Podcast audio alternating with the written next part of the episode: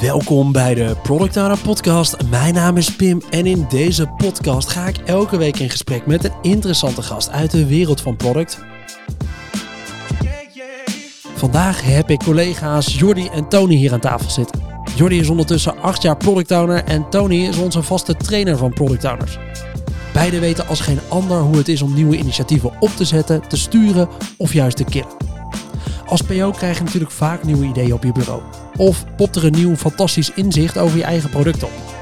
Soms gaat het om kleine aanpassingen en soms gaat het ook wel over een nieuwe service waar je een jaar aan gaat bouwen.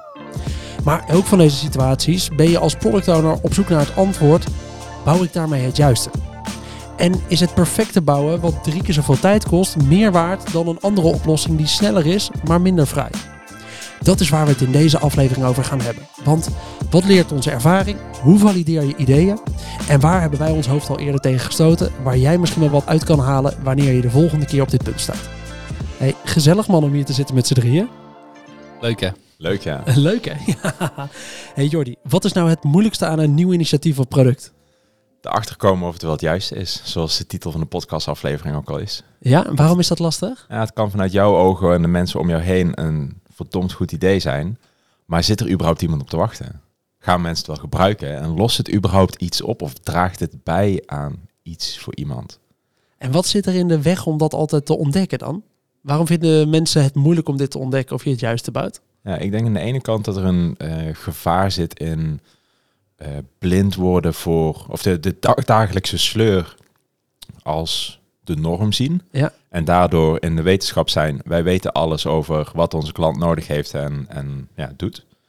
En daardoor bepaalde aannames maakt die wellicht niet voldoende gevalideerd of geverifieerd zijn. Ja. Eh, Ik denk dat dat wel een hele belangrijke is om scherp op te blijven. En niet alleen in je eigen omgeving of altijd dezelfde mensen te vragen, maar ook gewoon volledig willekeurig andere klanten of andere gebruikers een keer te vragen. Want Ja. die hebben misschien hele andere belevingen bij eh, bepaalde zaken. Ja. Daarin vind ik het, is het ook nog wel vaak moeilijk. Hè? Zeker als je denkt, ah, dit is echt gewoon een goed idee. Dat je ook nog wel eens een beetje naar jezelf toe kan gaan trekken. En denkt, ja, maar ja, ik vind dit echt wel een goed idee. Ik ga verdedigen waarom het een goed idee is. Ja, en als je een beetje goed kan lullen, dan krijg je dat ook nog wel over de bühne. Maar dan heb je nog steeds het risico dat als je het niet goed valideert, dat je eigenlijk een slecht product bouwt. Tony, validatie van producten. Ja, kijk, ik, ga, ik knik ja, omdat ik, ik denk ondertussen dat de tegenhanger van valideren aannames is. En we weten allemaal, zeker volgens de theorie, dat je nooit aannames mag doen of Ja. moet doen. Eh, maar ik doe het heel simpel eh, in mijn eigen praktijk. Als iemand, nou, ik zeg even, de praktijktraining productvisie boekt, dan doe ik de aanname, die wil iets weten over productvisie. Ja. Toch stel ik vooraf, als de training begint, even de checkvraag, waar wil jij vandaag antwoord op? Want ik doe de aanname en ik heb 60 sheets bij me over productvisie. Ja. Maar misschien ging het toch wel een beetje over het delen van de productvisie en dus over stakeholder management. Ja, Is daarbij niet ook de aanname, de hypothese die je moet valideren of onderkrachten? Om zo tot de validatie te komen? ik bedoel dat de hypothese toetsen, dat is valideren, toch? Ja, dus de aanname is eigenlijk de basis voor die hypothese die je gaat toetsen. Ja. En dan kom je tot concreet onderbouwd met cijfers, gesprekken, noem het maar op. Hè? Op enige manier onderzocht en gecheckt. Ja. Kom je tot de juiste validatie en dus daadwerkelijk iets waar je mee aan de slag kan gaan. Ja, ja, nou, precies. Dus ik, volgens mij is het een mooi onderwerp om eens eventjes een keertje vandaag eh, met z'n drieën eens even in te duiken vanuit wat verschillende perspectieven. Hè? Want dit ziet er bij kleine bedrijven vaak heel anders uit dan bij grote bedrijven. Ehm, zeker als het gaat om hoe sterk de mening van sommige mensen zijn. Want je hebt organisaties ja, waar het nog steeds gaat op een manier. Sales heeft dit verkocht, dus eh, dit is heel belangrijk. Eh, dus we moeten dit nu gaan bouwen de komende tijd. Oké, hoe ga je dan nog uitleggen waarom het wel of geen goed idee is om te Hmm. bouwen?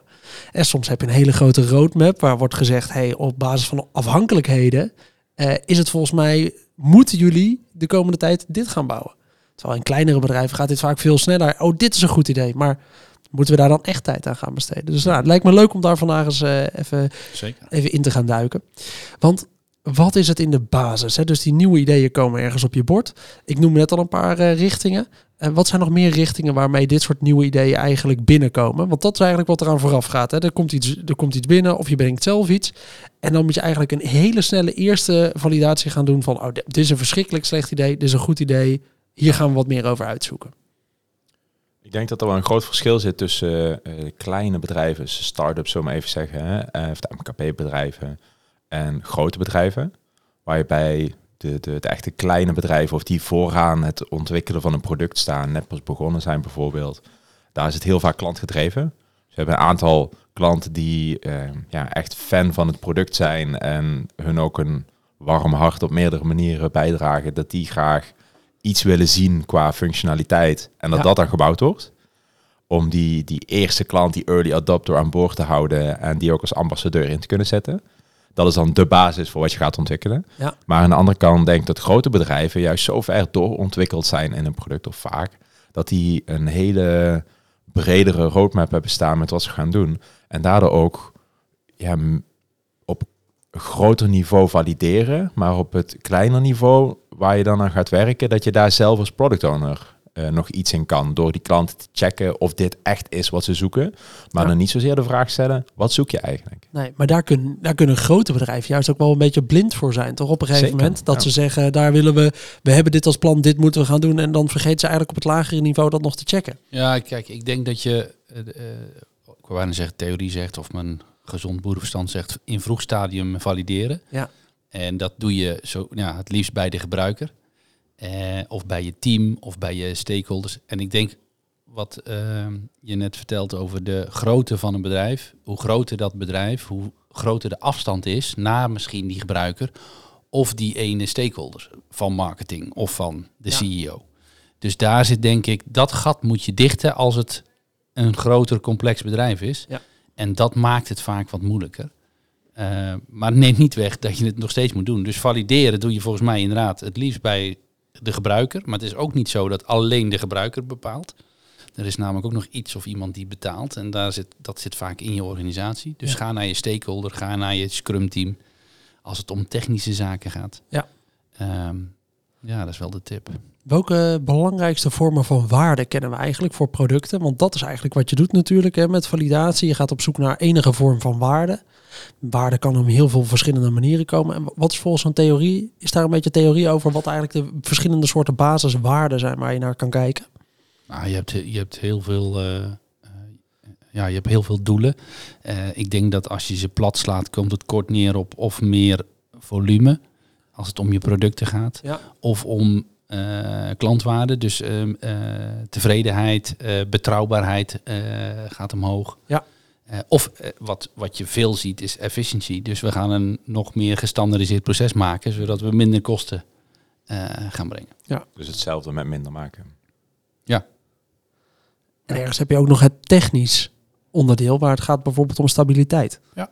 Toch? Daar zit ook vaak veel waarde in van, eh, van bepaalde features waar je aan gaat werken. Dus gewoon de stabiliteit van je service en Mm. misschien wel gewoon veel minder tijd moeten besteden aan toekomstige dingen. Ik denk dat als je begint met eh, valideren, Ja. dat je heel goed moet weten wat is het doel erachter. En dan hebben we het over die voorbeelden die we net opsommen. We Ja. sommen er nu ik denk bij elkaar zo een stuk of vier, vijf eh, bij elkaar op. Ja. Geef ons nog 10 minuten en we hebben er 15. Ja. Maar je, het moet duidelijk zijn wat je dan wil valideren. Juist. Dus validatie begint met de waarde kennen die Ja. voor jouw product belangrijk is. Wat is het doel? Heb je een voorbeeldje, Jordi, waarvan jij zegt, oh, bij dit eh, project toen we dat aanvlogen, daar ben ik echt gaan focussen op dit soort waarden leveren. Mhm. Ja, we hebben een vorige podcast natuurlijk al benoemd dat ik een keer met een tablet bij het Centraal Station heb gestaan. Ja. En eh, daar in eh, Figma een website had laten bouwen, een portal, waar ik mensen die problemen hadden bij de OV-poortjes ertussen uitpikte en zei van, hey, jij kon normaal niet met het OV, volgens mij ben je een autogebruiker. Kun je eens even kijken wat je hiervan vindt. Ja. En zo, ja, tal van mensen gesproken, een paar honderd volgens mij, dat we een paar weken bij elkaar hebben kunnen krijgen. Gewoon willekeurig mensen eh, van alle soorten uit de maatschappij en veel, weinig autogebruiken, die we allemaal zo bij elkaar kregen. Ja. Ehm, maar ook gewoon ja, mensen interviewen. Ja. Ehm, ik heb bij DPD rondgelopen, eerste klus voor eh, product owner. En ik heb daar iedere week drie klanten gebeld. Ja. Die toevallig in mijn mailbox voorbij kwamen, die ik vanuit support eh, te pakken kon krijgen. Ja. Gewoon om eens te vragen van wat speelt er nou eigenlijk bij jullie? En hoe kunnen we daar beter op inspelen? Hoe kunnen we zorgen dat die match tussen ons optimaal is om het meeste eruit te halen? En op welke soort waarde focus je dan? Dan is dat klanttevredenheid met name. Ja, klanttevredenheid zeker. Ehm, de binding vond ik er altijd heel belangrijk in. Vind ik er altijd heel belangrijk in. Ja. Maar aan de andere kant is de hoe ze het product gebruiken en waar het de echte mismatch is op het gebruik ervan, eh, ook wel heel belangrijk. Want uiteindelijk wil DPD pakketjes versturen en de bedrijven die gebruik van DPD maken, die willen zorgen dat hun producten zo snel en goed mogelijk bij de klant uitkomt, die Ja. ervoor betaalt.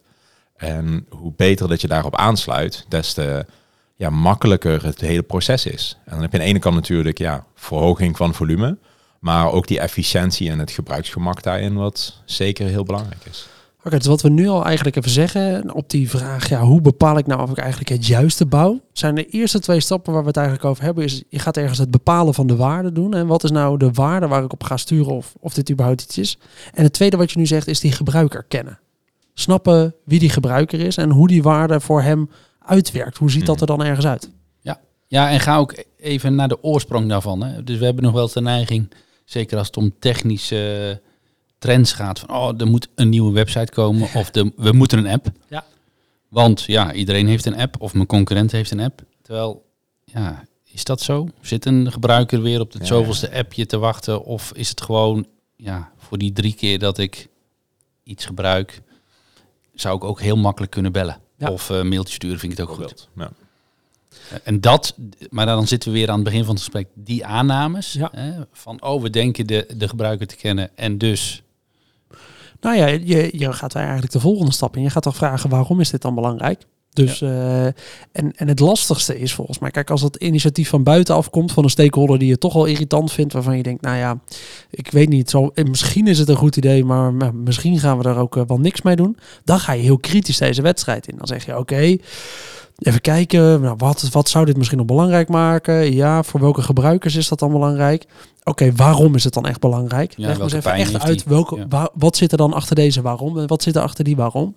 Ehm, maar volgens mij is het lastigste is als je zelf met dit initiatief komt, zegt oké, maar eh, ja, die website die hebben we nu, maar daar moet eigenlijk een ander onderdeel op. Er moet namelijk een zoekfunctie in komen. Dat, dat lijkt me fantastisch. Eh, kijk, ik heb er al een plaatje bij gemaakt.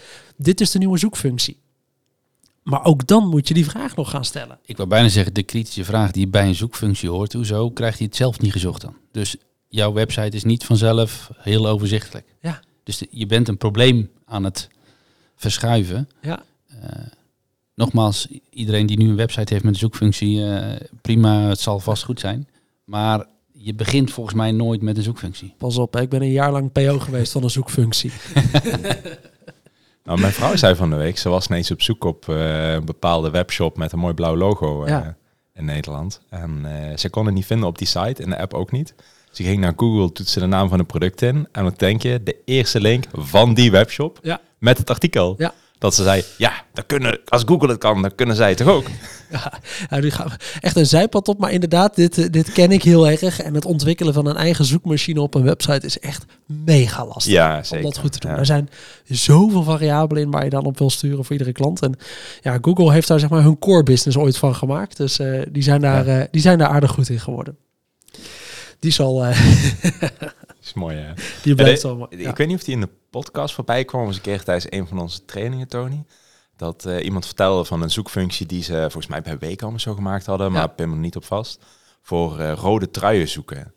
En dat ze dat lieten zien en eh je toetste rode trui en dan kwam, of trui, en dan kwam ook trui, rode trui, kwam rode trui voorbij. Maar dan kwamen ook alle andere rode producten voorbij. Want dat was dan weer iets daar, ja, moest, Partial search. Ja. moest de filtering weer op aangepast Ja. worden. Want er zaten ook eh, de rode broeken bij, rode knuffelberen en weet ik allemaal. Ja. Dan dat, Niet genoeg resultaten op een volledige match. Dus dan gaan ze over naar partial Partial match. fan, En dan ja. is alles wat rood is, krijg je dan. Ja. Ja. Nou ja, ik, we, hadden het, we hebben het over valideren. Dat is zo'n voorbeeld waarvan ik zeg, wordt er ook na afloop nog even, ja, we noemen dat wel eens testen, maar wordt er dan ook nog eens gevalideerd als het live staat? Heeft het nou het effect eh, wat het nodig had? Dus je gaf net aan van nou, wat is je doel? Hè? Welke waarde heeft het? Levert dat dat dan ook op? Of eh, ik wou bijna zeggen, dan ben je ook weer aan het valideren. Maar ook features die gewoon in een applicatie of een platform zitten, of die überhaupt gebruikt worden. Zeker als je als, bestaande, als PO een bestaand product eh, gaat werken, ja, dan is natuurlijk zomaar de vraag, wordt 100% van dit platform wel gebruikt? Of is er misschien maar 50% waar de klanten gebruik van maken? Volgens mij is dit een puntje waar we zo eigenlijk nog eens even in moeten duiken. Want dat is als het product al staat. Want daarin zit inderdaad een hoop. Hè? Want je wees, soms wordt je product alleen maar beter van dingen eruit halen in plaats van dingen toevoegen. Alleen dingen toevoegen klinkt leuker eh, dan dingen eruit halen. Maar laten we daar zo meteen nog eens even op ingaan. Check. Als we hebben over dat beoordelen van ideeën. Dus je gaat die, die validatie en je gaat die waarom vraag stellen. Dan komt het ook wel voor dat je tegenstrijdige feedback krijgt. Want één stakeholder zegt eh, dit, dit is voor mij belangrijk. En de andere stakeholder zegt, nee, dat is niet waar wat hij zegt. Eh, dit is voor de klant echt belangrijk. Hoe ga je om met tegenstrijdige feedback? Ja, ik vind het altijd heel belangrijk om eh, op meerdere indicatoren te sturen. Dus eh, niet gewoon uitgaan van één signaal. Iemand roept iets of we zien iets in, eh, in de statistieken van het gebruik bijvoorbeeld. Ja. Maar zoek vooral die, die kruisbestuiving van indicatoren en, en meetbare resultaten. En dat kan best gewoon eh, uit kwantitatief onderzoek zijn, maar dat kan ook kwalitatief gewoon mensen bellen, vragen of ehm, ja, geef een, een mobiele app aan, aan je ouders of de overbuurvrouw van hey, kijk eens even, wat vind jij hiervan? En als je dan ziet dat op meerdere vlakken hetzelfde eruit komt, ja, dan kun je natuurlijk wel richting aan geven. Maar als je blind op één indicator stuurt, dan ja, is net als gokken in het casino. Hè? Is maar de vraag of je überhaupt ja, wint of niet. Het is gewoon gokken en hopen op het beste. Tony, heb jij dat Ja, een het- beetje zeg maar, uit het begin van je productcarrière of zo, Ja. wanneer je net begint? Dan eh, weet ik ook nog wel van mezelf, dan ben je best wel gevoelig voor die ene stakeholder die heel overtuigend is en die zegt, nou, maar dit is echt belangrijk. Ja, je, kijk, Toch? zeker in het begin, als ik naar mijn eigen carrière kijk, dan je, je neemt ook dingen zomaar aan. Omdat, nou ja, een senior persoon zegt het eh, met de dusdanige bravoer. Ja, en ik wist het zelf eigenlijk ook niet. Eh, iets met geen productvisie of eh, eh, nog onvoldoende domeinkennis. Dus ik geloof dat. En dan gaan we dat doen. Ehm, tegenwoordig heb je geleerd dat je in ieder geval even goede vragen moet terugstellen. Dus wat, wat Jordi ook zegt, van ja, vanuit meerdere perspectieven bekijken. Ik denk dat minimaal een gesprek erover eh, nodig is. Het maakt niet uit waarover. Ik dus, eh, dat is in mijn huidige werk ook. Als iemand wat stelt, oké, vertel, hoe is dat? Waarom is dat? Kan je me dat nog één keer uitleggen? Eh, want ik hoor ook andere verhalen. Ik heb laatst nog iemand gesproken die beweerde het tegenovergestelde. Nou, drop dat maar, zet dat maar neer. En in het beste geval, in jouw voorbeeld, twee tegenstrijdige stakeholders. Zet ze even met z'n tweeën aan tafel. En ga dan wel door naar, zullen we dat eens onderzoeken? Zullen we daar eens wat cijfers bij halen? Zullen we eens wat meningen op straat vragen? Ja. Het maakt me niet uit. Eh, We hebben gouden neiging om het heel groot te maken. Maar het kan ook gewoon, oké. volgens mij hebben we het hier wel eens gedaan in ons eigen bedrijfje. Oké, toen waren we met z'n zessen. Oké, eh, Jochem en ik kwamen er niet uit. Zullen we het gewoon even de vier anderen vragen? En dan heb je al, dan weet je in ieder geval iets meer dan daarvoor. Ja. Ik denk dat het ook heel goed is om eh, op minima, minimalistische schaal gewoon te testen. Dus als je twee tegenstrijdige ideeën hebt, kijk wat er nodig is om hier gegevens uit te krijgen qua gebruik of resultaat. En bouw een functie die genoeg heeft om dit aan feedback terug te krijgen, maar waar bijvoorbeeld nog geen mooi frontje omheen zit. Of nog niet alle kleine instelbare details heeft. Dus dat je het zo ja, toch iets bouwt om het te testen en daar eigenlijk informatie mee ophaalt om zeker te weten welke kant je dan op moet gaan. Ja, maar advocaat van de duivel, dat is het ideale scenario. Maar heel vaak komt het natuurlijk voor dat we gaan aan iets bouwen. Dat gaat echt wel even drie sprints kosten voordat we hier iets voor hebben staan. En er zijn twee vrij uiteenlopende meningen. Ja, zeker als junior PO of eh, een beetje als je media nog bent, ja, dan kun je daar volgens mij best wel van versteld staan van wat er Hmm. in zo'n situatie kan gebeuren. En dat je denkt, ja, nou, mijn manager zegt het, dus laat ik die kant maar op gaan. Ja, dat is wel lastig, toch? Dat is, ik herken hem helemaal. Sterker nog, ik denk dat ik zelf ook wel eens drie sprints eh, niet helemaal waardevol heb eh, ingezet. Maar als je bedenkt wat een sprint kost Ja. en dan keer drie, Ja. dan was het een heel duur grapje. Ja. Dus ze zeggen wel eens, eerst valideren, dan investeren. Alleen vaak is het investeren bij, nou, met name weer de, de grote bedrijven. Ja, dat, het is al een jaar lang vooruitgezet. En er wordt niet heel erg scherp gekeken naar de sprintdoelen. Nou ja, ik zit op het moment in een, eh, in een scenario waar ik echt heb gevraagd. Hè, we, willen, we willen werken aan een groot nieuw initiatief. Volgens mij weten we heel goed wat we willen oplossen. Alleen de oplossingsrichting is nog niet helemaal duidelijk. En er ligt aan de ene kant ligt er dan wat druk op om gewoon te gaan starten met zo'n initiatief. En dat voelde iedereen ook. En uiteindelijk ben ik even teruggegaan naar degene die ons daar mogelijk op zou kunnen aanspreken. Heb ik gewoon gezegd, hey, volgens mij is het nu veel beter als we nog een sprint gaan besteden aan een beetje Ja. businessanalyse. We gaan nog even een keertje afwegen of we de ene richting moeten kiezen of de andere richting. Dan dat we nu drie, drie maanden lang gaan bouwen, drie ton investeren en dan net niet de juiste oplossing neerzetten. Dat is wel een stapje die je moet Dan is een experiment van 10.000 euro, dat klinkt duur, maar beter dan 3 ton weggooien. is veel Zeker, goedkoper. ja. En dat is wel even een, is een lastige afweging die je in het begin moet maken. En uiteindelijk nou, zijn, ben ik met deze richting toch verder gegaan. En wordt die ook goed ontvangen. Dan is het ook, oh ja, nee, maar daar zijn we het eigenlijk wel mee eens. Steek er nu maar wat extra tijd in. Ja. Als we maar dan uiteindelijk weten dat we de juiste richting opbouwen. Ja. En dat hoort volgens mij bij deze fase heel erg. Is ook wel eventjes een keer dat been gestrekt houden. Ja. Gewoon erin gaan en zeggen, hé hey jongens, we hebben meer tijd nodig om het nu uit te zoeken. Want anders gaan we gewoon niet de juiste functies toevoegen. En heb je door dat je tegelijkertijd aan vertrouwen wint binnen de organisatie, je krijgt stakeholders mee, er, er komt draagvlak. Dus het, de bijvangst is minstens zo groot. Ja, maar het voelt in het begin voor heel veel mensen waarschijnlijk als... maar nou ga ik tegen mijn belangrijkste stakeholder in. Oké, Ik eh, begin eind van de maand aan een nieuwe klus. En daar eh, gaan we twee projecten draaien, of eigenlijk twee uitbreidingen op het bestaande platform. Ja. En daar gaan we eerst valideren of hetgeen wat intern bedacht is, echt het juiste is wat we moeten gaan bouwen. Of de mensen er ook echt op zitten te wachten. En op basis van die validatie gaan we pas verder uitwerken en prioriteren en überhaupt epics, user stories en dergelijke schrijven. Dus we gaan eerst echt kijken, is dit het juiste? En als we dat weten, dan gaan we pas beginnen. En dan hadden we meteen in het eerste gesprek was er een super klik. Waarin dat we ook met elkaar al meteen zagen, ja, dit is gewoon de way to go. Hier moeten we mee beginnen. En dan gaan we ook ervoor zorgen, in dit geval dat het marktaandeel gaat vergroten. Dat we ook dat doel, dat we daar echt naartoe gaan werken. hoe belangrijk is data-analyse in deze fase? In die fase van valideren. Hoe belangrijk is dan dat je er een stukje data-analyse in meeneemt? Eh, eh, ik wou zeggen altijd, eh, als het er is, Ja, want waardevol. ja, maar vaak is het er nog niet over dat specifieke experiment of onderwerp wat je inbrengt. Kijk, als we het hebben over de gebruikers of de doelgroepbenadering, ik noem maar even een marketingactie, dan kan je zeggen, oh wacht, maar dit is in potentie, heeft het 10.000 gebruikers. Laten we het eens bij de eerste 100. Nou, Ja. dan, dan helpt het. Ja. Ehm, maar ik kan ook wel een paar voorbeelden eh, bedenken waarvan ik denk, ja, ik zou eigenlijk niet weten voor wie, voor wie dit is. Ja. Of hoe groot die markt is. Nou, ik ga gewoon eens die mensen vragen. Eh, om een beeld te krijgen bij de markt of bij de doelgroep. Ja, dat, dat kan ook al gewoon een validatie zijn. Maar ergens heb je, in ieder geval wat ik anders doe, misschien wel dan na anderhalf jaar geleden is, dan begon ik heel vaak ook gewoon aan het bouwen van dit soort dingen op een gegeven moment. En dan was het af en dan zeiden we, oké, het is af.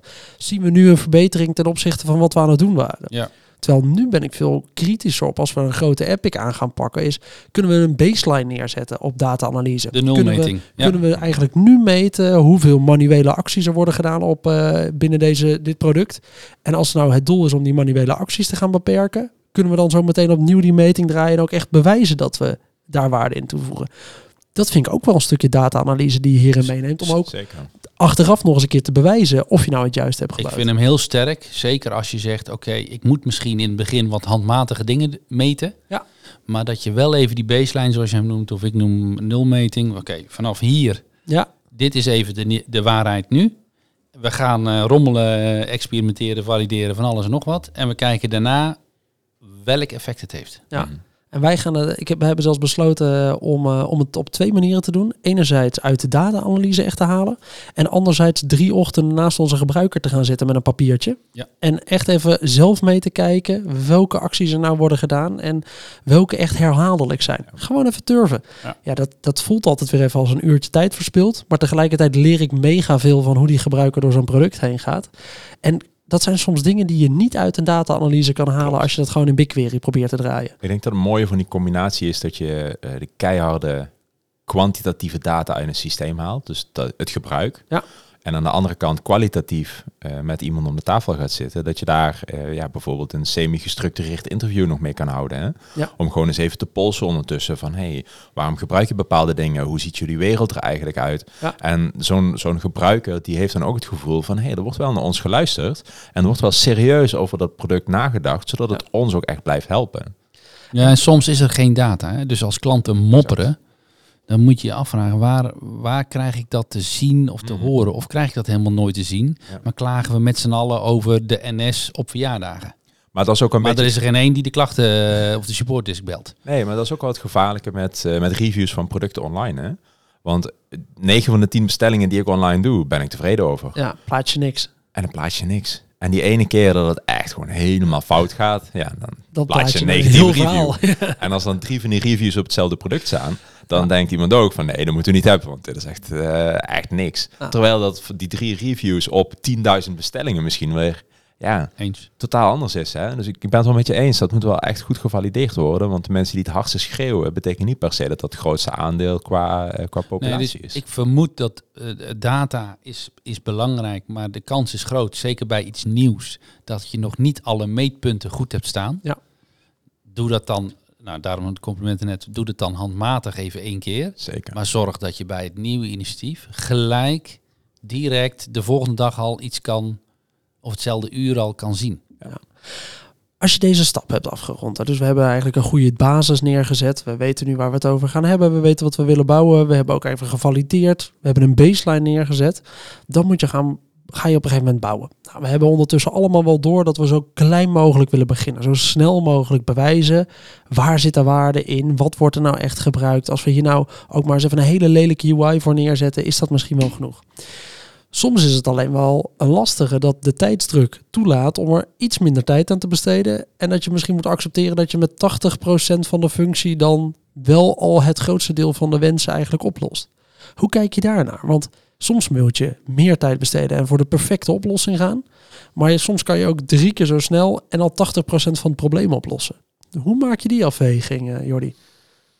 Ik denk dat een probleem oplossen al heel belangrijk is. En als je gaat kijken naar features, hè, wat je er allemaal in kan stoppen, Ja. dan kun je het mega uitgebreid maken. Ja. Maar het is niet allemaal nodig om een probleem op te lossen. Het zijn dan vaak net die, die extra stapjes die je kunt zetten. Hè. Je kunt inloggen, je kunt inloggen met single sign-on. Je kunt inloggen zonder wachtwoord. Je kunt inloggen met je Google, Facebook, eh, Instagram account, weet ik wat allemaal. Ja. Het zijn allemaal extra opties, maar in de basis heb je alleen maar gebruikersnaam en wachtwoord nodig om te kunnen inloggen. Ja. En daar zou je dan wel van kunnen zeggen in dit voorbeeld van we pakken dit eerste stuk en dan gaan we dan kijken van goh, als je nou tien inlogmogelijkheden mag noemen, welke zou je dan willen benoemen? En dan kun je van daaruit zien wat gaan we dan nog extra erin stoppen. Maar dan weet je wel dat je hem ja, op een iteratieve wijze in ieder geval in de basis het juiste neerzet en het dan verder gaat uitbreiden. Ja. Maar niet andersom, dat je een fundering voor een schuurtje neerzet en dan een wolkenkrabber erop wil bouwen. Ja. Want dan gaat Ja, je fundering Dat is lastig, hè? Want Ja. maar dat is soms wel de neiging die je hebt. Dan denk, zeggen mensen, ja, we gaan echt voor MVP. Maar je weet ook dat het uiteindelijk, als het wel een succes is, dat het een product, eh, een groter product moet worden. Dan wordt er nog wel eens in de snelheid die wolkenkrabber op de fundering van een schuurtje gebouwd. En dan loop je over twee jaar met een bak technical debt waar je u tegen zegt. Ja. Ja, dat is wel een lastige afweging, vind ik altijd. Ja, en ik vind hem andersom ook. Je zal een fundering hebben voor een flat en er nooit meer dan een schuurtje op zetten. Ja, zeker. Dan zullen mensen ook zeggen, zo, dat was ook een dure investering. Ja, dan heb Dus, je flink wat eh, servers draaien. Ja. eh, vaak, ik denk dat we vaak te groot denken in het oplossen. Ja. Terwijl we half door hebben eh, wat de pijn nou precies is en wat de ergste pijn is. Ik bedoel, als jij van je fiets valt, dan is je, je knie bloed. Je hebt je op je elleboog een schaafwond en je hebt wat hoofdpijn. Nou, de mensen zullen schrikken, die gaan als eerste naar de hoofdpijn. Maar misschien hoeft dat schaafwondje op je arm helemaal niet behandeld te worden. Het is gewoon drie dagen rusten en het is klaar. Mhm. Dus als ik jou van de hoofdpijn afhoud, Ja. is jouw ergste pijn al weg. Pleistertje op je knie en fijne dag verder. Ja. We gaan niet helemaal naar het ziekenhuis. Snap je een beetje wat ik bedoel? Zeker, ja. Ja. Wat nog wel, kijk, in het geval van een, eh, een schaafwond en een eh, bloedplekje is het allemaal makkelijk te overzien. Wat nog wel eens het lastig is, misschien wel in het beroep als PO, is dat je vaak aan technisch complexe producten werkt. En dat, oké, we hebben nu uitgezocht hoe het aan de userkant moet zitten. Ja. We weten nu waar de waarde zit. Nu moet het alleen nog een technische oplossing worden. Dat geeft altijd ook nog wel even een vertraging in dit proces. En dat moet je ook goed doen. Maar als je niet zo'n hele technische PO bent, is het veel lastiger om af te wegen of het voorstel voor de technische opzet die je nu krijgt ook inderdaad past bij de visie die je hebt. Hoe kijk je daarnaar, eh, Jordi? Ik denk dat hetzelfde is dat je met je stakeholders en de gebruikers interviews houdt om te zien wat is er nou echt nodig. Ja. Dat dat op technisch vlak bij developers, bij de architecten in een organisatie als die er zijn, eh, mensen die iets met de technische achterkant binnen het bedrijf doen, Ja. dat je daar gewoon hetzelfde kunt doen. En daar ook kunt checken van wat hebben we nou nodig, waar moeten we aan werken de komende tijd. Zijn er bepaalde libraries of features of, of platformen die we gebruiken die end of life zijn, waar we over moeten naar een nieuwe versie bijvoorbeeld? Dan weet je wel dat je daar eh, al tijd voor kan inplannen en dat mee kan nemen. Ga je kijken naar hoe complex moet het nu zijn?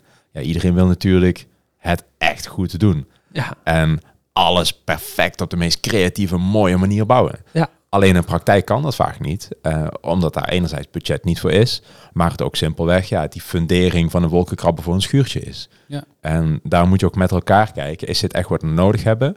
Waarom hebben we dat echt zo nodig? En ja, als dat echt met zoveel nodig is, wat halen we daar dan uit naar de toekomst? Wat we dan meer hebben ten opzichte van als we het minder doen? Nou ja, kijk, daar zit ook een aanname. Hè. Dus we, hebben, we doen aannames bij de gebruikers, zeg je mooi. We doen ook aannames in het bedenken van de oplossing. En vaak is een aanname, oh, het moet in dezelfde techniek als dat we zijn. Ehm, dus het moet in dezelfde applicatie opgelost worden. Want dat is, nou, en, dat, en ik weet helemaal niet of dat zo is. Ik weet wel dat we die vragen moeten gaan stellen. ja, ja die, die afweging ergens. Hè? Want ik zoek altijd ergens in het technisch opzicht, buiten het team, het liefste een soort eh, technical counterpart. Die voor mij een beetje mee kan kijken in een vrij technische oplossing. Ik heb hiervoor op een opdracht gezeten waar één team echt lange tijd bezig is geweest met eigenlijk het bouwen van een service om een andere service te vervangen. Echt een complete rebuild. En dat ging er zo technisch in de graph structures op een gegeven moment dat we daar gewoon sprints in bezig waren. Ja, dat ik op een gegeven moment niet meer kon beoordelen welk puntje gaat nou wel waarde toevoegen en welk puntje niet.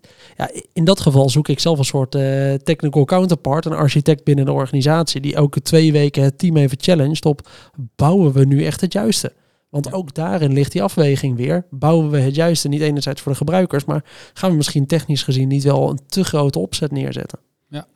En dat heeft, nou ja, we kennen allemaal eh, technical debt als je te snel wil. Eh, maar soms is technical debt ook gewoon een bewuste keuze, omdat nou ja, snelheid naar de markt voorging. Ja. Omdat het probleem namelijk te groot was. Stel, we zijn eh, weer ondertussen deze stap verder. We hebben ook dat technisch ondertussen doorge, doorgepakt. Dan is eigenlijk, ben je begonnen met bouwen. Maar ook tijdens het bouwen kun je er nog achter komen dat je niet het juiste aan het bouwen bent. Want je bent begonnen, je ging een bepaalde richting op. Er is nieuwe informatie uit de markt, nieuwe informatie van gebruikers. En je moet eigenlijk bij gaan sturen. Dan komt er een moment dat je dat moet gaan communiceren met anderen, dat je dat zelf moet gaan uitvinden. Heb je in die richting ergens ervaringen zitten waarvan je zegt dat is wel echt eh, relevant? Ja, de wereld staat niet stil. En ondanks dat wij baseren op een momentopname in de tijd dat we iets gaan bouwen naar de toekomst toe, gaat de rest van de wereld gewoon door in de tijd dat we aan het bouwen zijn. Ja. En dan kan een, een wereld ja, compleet veranderen. Als je een ridesharing app hebt gebouwd vlak voor corona en je gaat de week voordat de coronapandemie begint, ga je live. Of eh, je wil de week later live gaan. Ja. dan is je hele business case en het hele nut is gewoon in één keer weg. Ja. Een beetje als het doel van een sprint. Hè? Als het doel niet meer relevant is, dan annuleer je de sprint. En dan ga je heroverwegen waarom dat je dat moet doen. Dan gaat alles terug naar de backlog en dan wordt het weer opnieuw gerefined en wellicht opnieuw ingepland of in een andere vorm. En ik denk dat het ook wel goed is om het contact met die markt te blijven houden. Te kijken wat doen de concurrenten, hoe zitten de gebruikers erin, eh, onze klanten. Ja. En daar gewoon regelmatig de vinger aan de pols houden. En dat hoeft echt niet iedere week. Maar het is wel belangrijk om gewoon contact te blijven houden en boven water te blijven. En niet maar eens per kwartaal boven water te komen en dan weer met onderzeeër terug naar de bodem om verder te gaan. Nee, ja, ik zie hem ook altijd wel ergens. Kijk, je, het liefste doe je dit in je review sessies. Hè. Dan breng je ook al eventjes naar voren. Naast dat waar je in die sprint specifiek aan hebt gewerkt, geef je ook vaak even het grotere plaatje mee. Hé hey jongens, hier zijn we naartoe aan het werken. Dit zijn de bevindingen. Eh, Wat ik ook nog wel vaker zie, ook bij collega-PO's, is dat ze niet iedereen in die sprint reviews weten te krijgen. Ja. En op dat moment kun je in zo'n review sessie wel heel erg vertellen over waar je staat en wat je geleerd hebt. Maar krijgt de helft van het bedrijf dat nog niet mee. Zelf ga ik dan altijd over, als ik dat merk, dan komt er vervolgens altijd even een mailtje na die sprint reviews.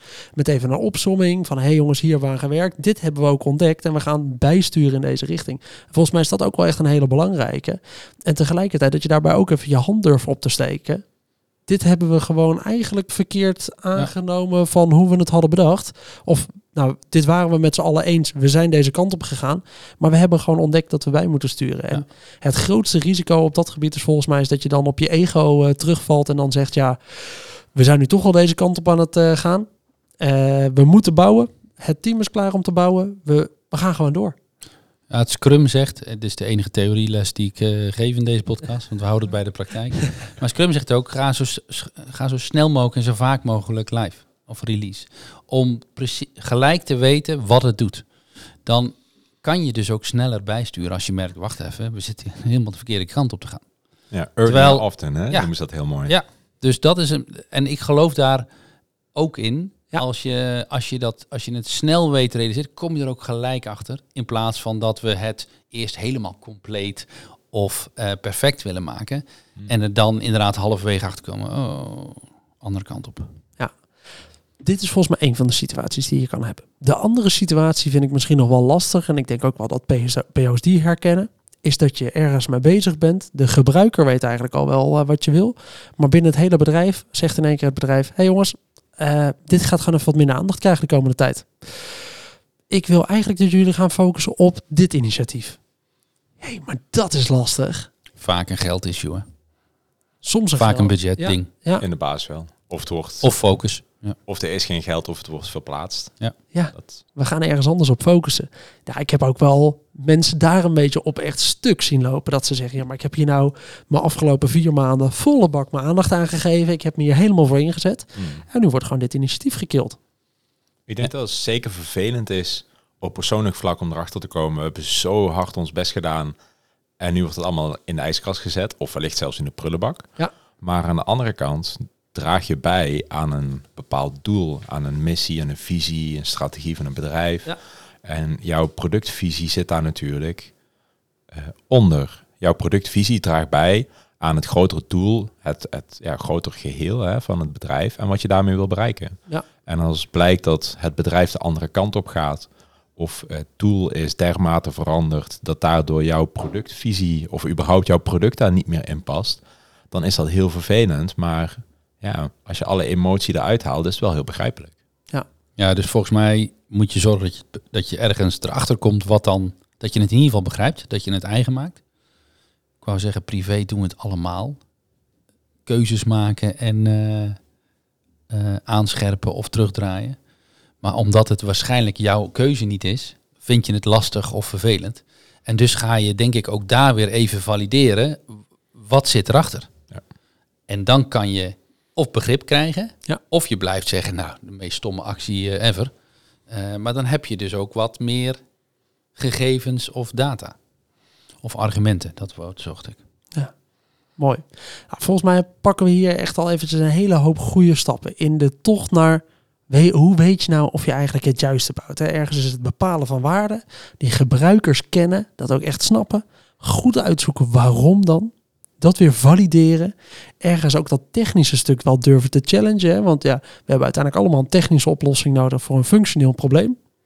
En zorgen dat je update en tussentijds blijft testen. Zo snel mogelijk levert ergens. Ook al heb je het gevoel dat je eigenlijk nog niet live gaat. Probeer het dan met een, een testje intern met wat mensen. En probeer zo snel mogelijk uit te vinden wat er nou wel of niet eigenlijk goed gaat met dat product. Volgens mij hebben we hem daar wel mooi mee te pakken. Dan heb je ergens dit product ergens neergezet. En dan, eh, dan staat het. En daar gingen we net al eventjes op in. Dat is testen na implementatie. En dat is er eentje die heel vaak vergeten wordt. Want dan heb je het gevoel, joh, we hebben het opgeleverd. We gaan het volgende weer bouwen. Testen na implementatie. Tony, je wilde er net al wat over zeggen. Maar Ja. waarom is dat zo belangrijk? En waarom wordt het ook stiekem vaak vergeten? Nou, ik, eh, het antwoord op je vraag is, je hebt vooraf een doel gesteld. En je wilt op zijn minst weten, heeft dat nou zin gehad? Dus we wilden meer volume, we wilden goedkoper, we wilden meer betrouwbaarheid, meer klanttevredenheid. Heeft dat dat dan ook opgeleverd? Of levert dat dat dan ook nu die, precies die waarde? Dus dat is even het antwoord op je vraag. Daarvoor moet je het minimaal doen. Wat ik heb ervaren, toen ik jong was, wou ik bijna zeggen, eerste klus, was ik ook gevoelig voor een stakeholder. Dat voorbeeld heb je ook genoemd. En die dropte even, het moet voor de zomer live, een nieuwe feature. En ik bouwen, eh, alles aan de kant schuiven, ik bouwen. Ja. En voor de zomer met vol trots, het staat live. Of het kan. Waarop die stakeholder eh, doodleuk zei, oh ja, we hebben de marketing even uitgesteld naar, eh, november, want ja, de kalender zat vol. Toen ging ik wel even stuk. Ja. niet op de, toen niet gevalideerd vooraf en helemaal achteraf dacht ik, oké, dat Laat doe ik echt gebeuren. nooit meer. Ja. Naar jou luisteren nooit meer en of zomaar. Eh, en eerst gewoon nog wat andere dingen doen. Dus het ja, vaak leer je ook gewoon door eh, een paar keer eh, je kop te stoten. Ja, maar dat zijn volgens mij de mooie lessen juist om ergens, ergens te delen. Soms gaat het juist om, om even je kop stoten, daar weer van iets bij elkaar pakken en, en snappen wat je daaruit kan halen. Maar ja, we hebben er eerder wel eens iets van een aflevering over gemaakt. Dat na een paar weken terugkijken op je, de dingen die je live hebt gezet, is volgens mij een super sterke actie. En eh, een, een mooie stap in senioriteit voor veel mensen. Om ook een paar weken later te laten zien. Hé hey jongens, weet je nog, drie sprints terug hebben we hier aan gewerkt. We hebben ondertussen weer even gebruikersimpact gemeten. Aan de hand van die baseline die we eerder hebben gezet, kunnen we nu eigenlijk tonen dat we een 30% reductie hebben van die acties die we niet meer wilden. En zien we dat eigenlijk klanttevredenheid hierop ook weer omhoog is gegaan. Dat ze blijer zijn met onze Ja. tools. Je zegt het goed op senioriteit, want vaak vergeten we het. We zijn wel weer een nieuw feature aan het bouwen. Ja, en dat is volgens mij echt een mooie stap in senioriteit ergens, dat je dat soort dingen ook, eh, ook nog terug kan pakken. Mannen, dankjewel. Volgens mij hebben we dit onderwerp even goed uitgediept. Eh, heb ik zelf ook weer wat dingen opgestoken van de eh, volgende keer dat ik weer dingen aan het eh, bouwen ben bij, eh, bij mijn klanten en opdrachten. En ik hoop ook dat de luisteraars eh, die weer hebben. Dus eh thanks voor jullie tijd. Leuk. Graag gedaan. Dan wil ik iedereen weer bedanken voor het luisteren naar deze aflevering van de Product Owner Podcast. Vond je dit nou een leuke aflevering? Vergeet dan niet om onze podcast een review te geven in je favoriete podcast app. Heb je nog vragen of opmerkingen voor mij? Stuur me dan vooral een berichtje via LinkedIn, dat is Pim Pot, of op pim.productowner.nl. En dan hoop ik dat je de volgende keer weer luistert. Tot dan!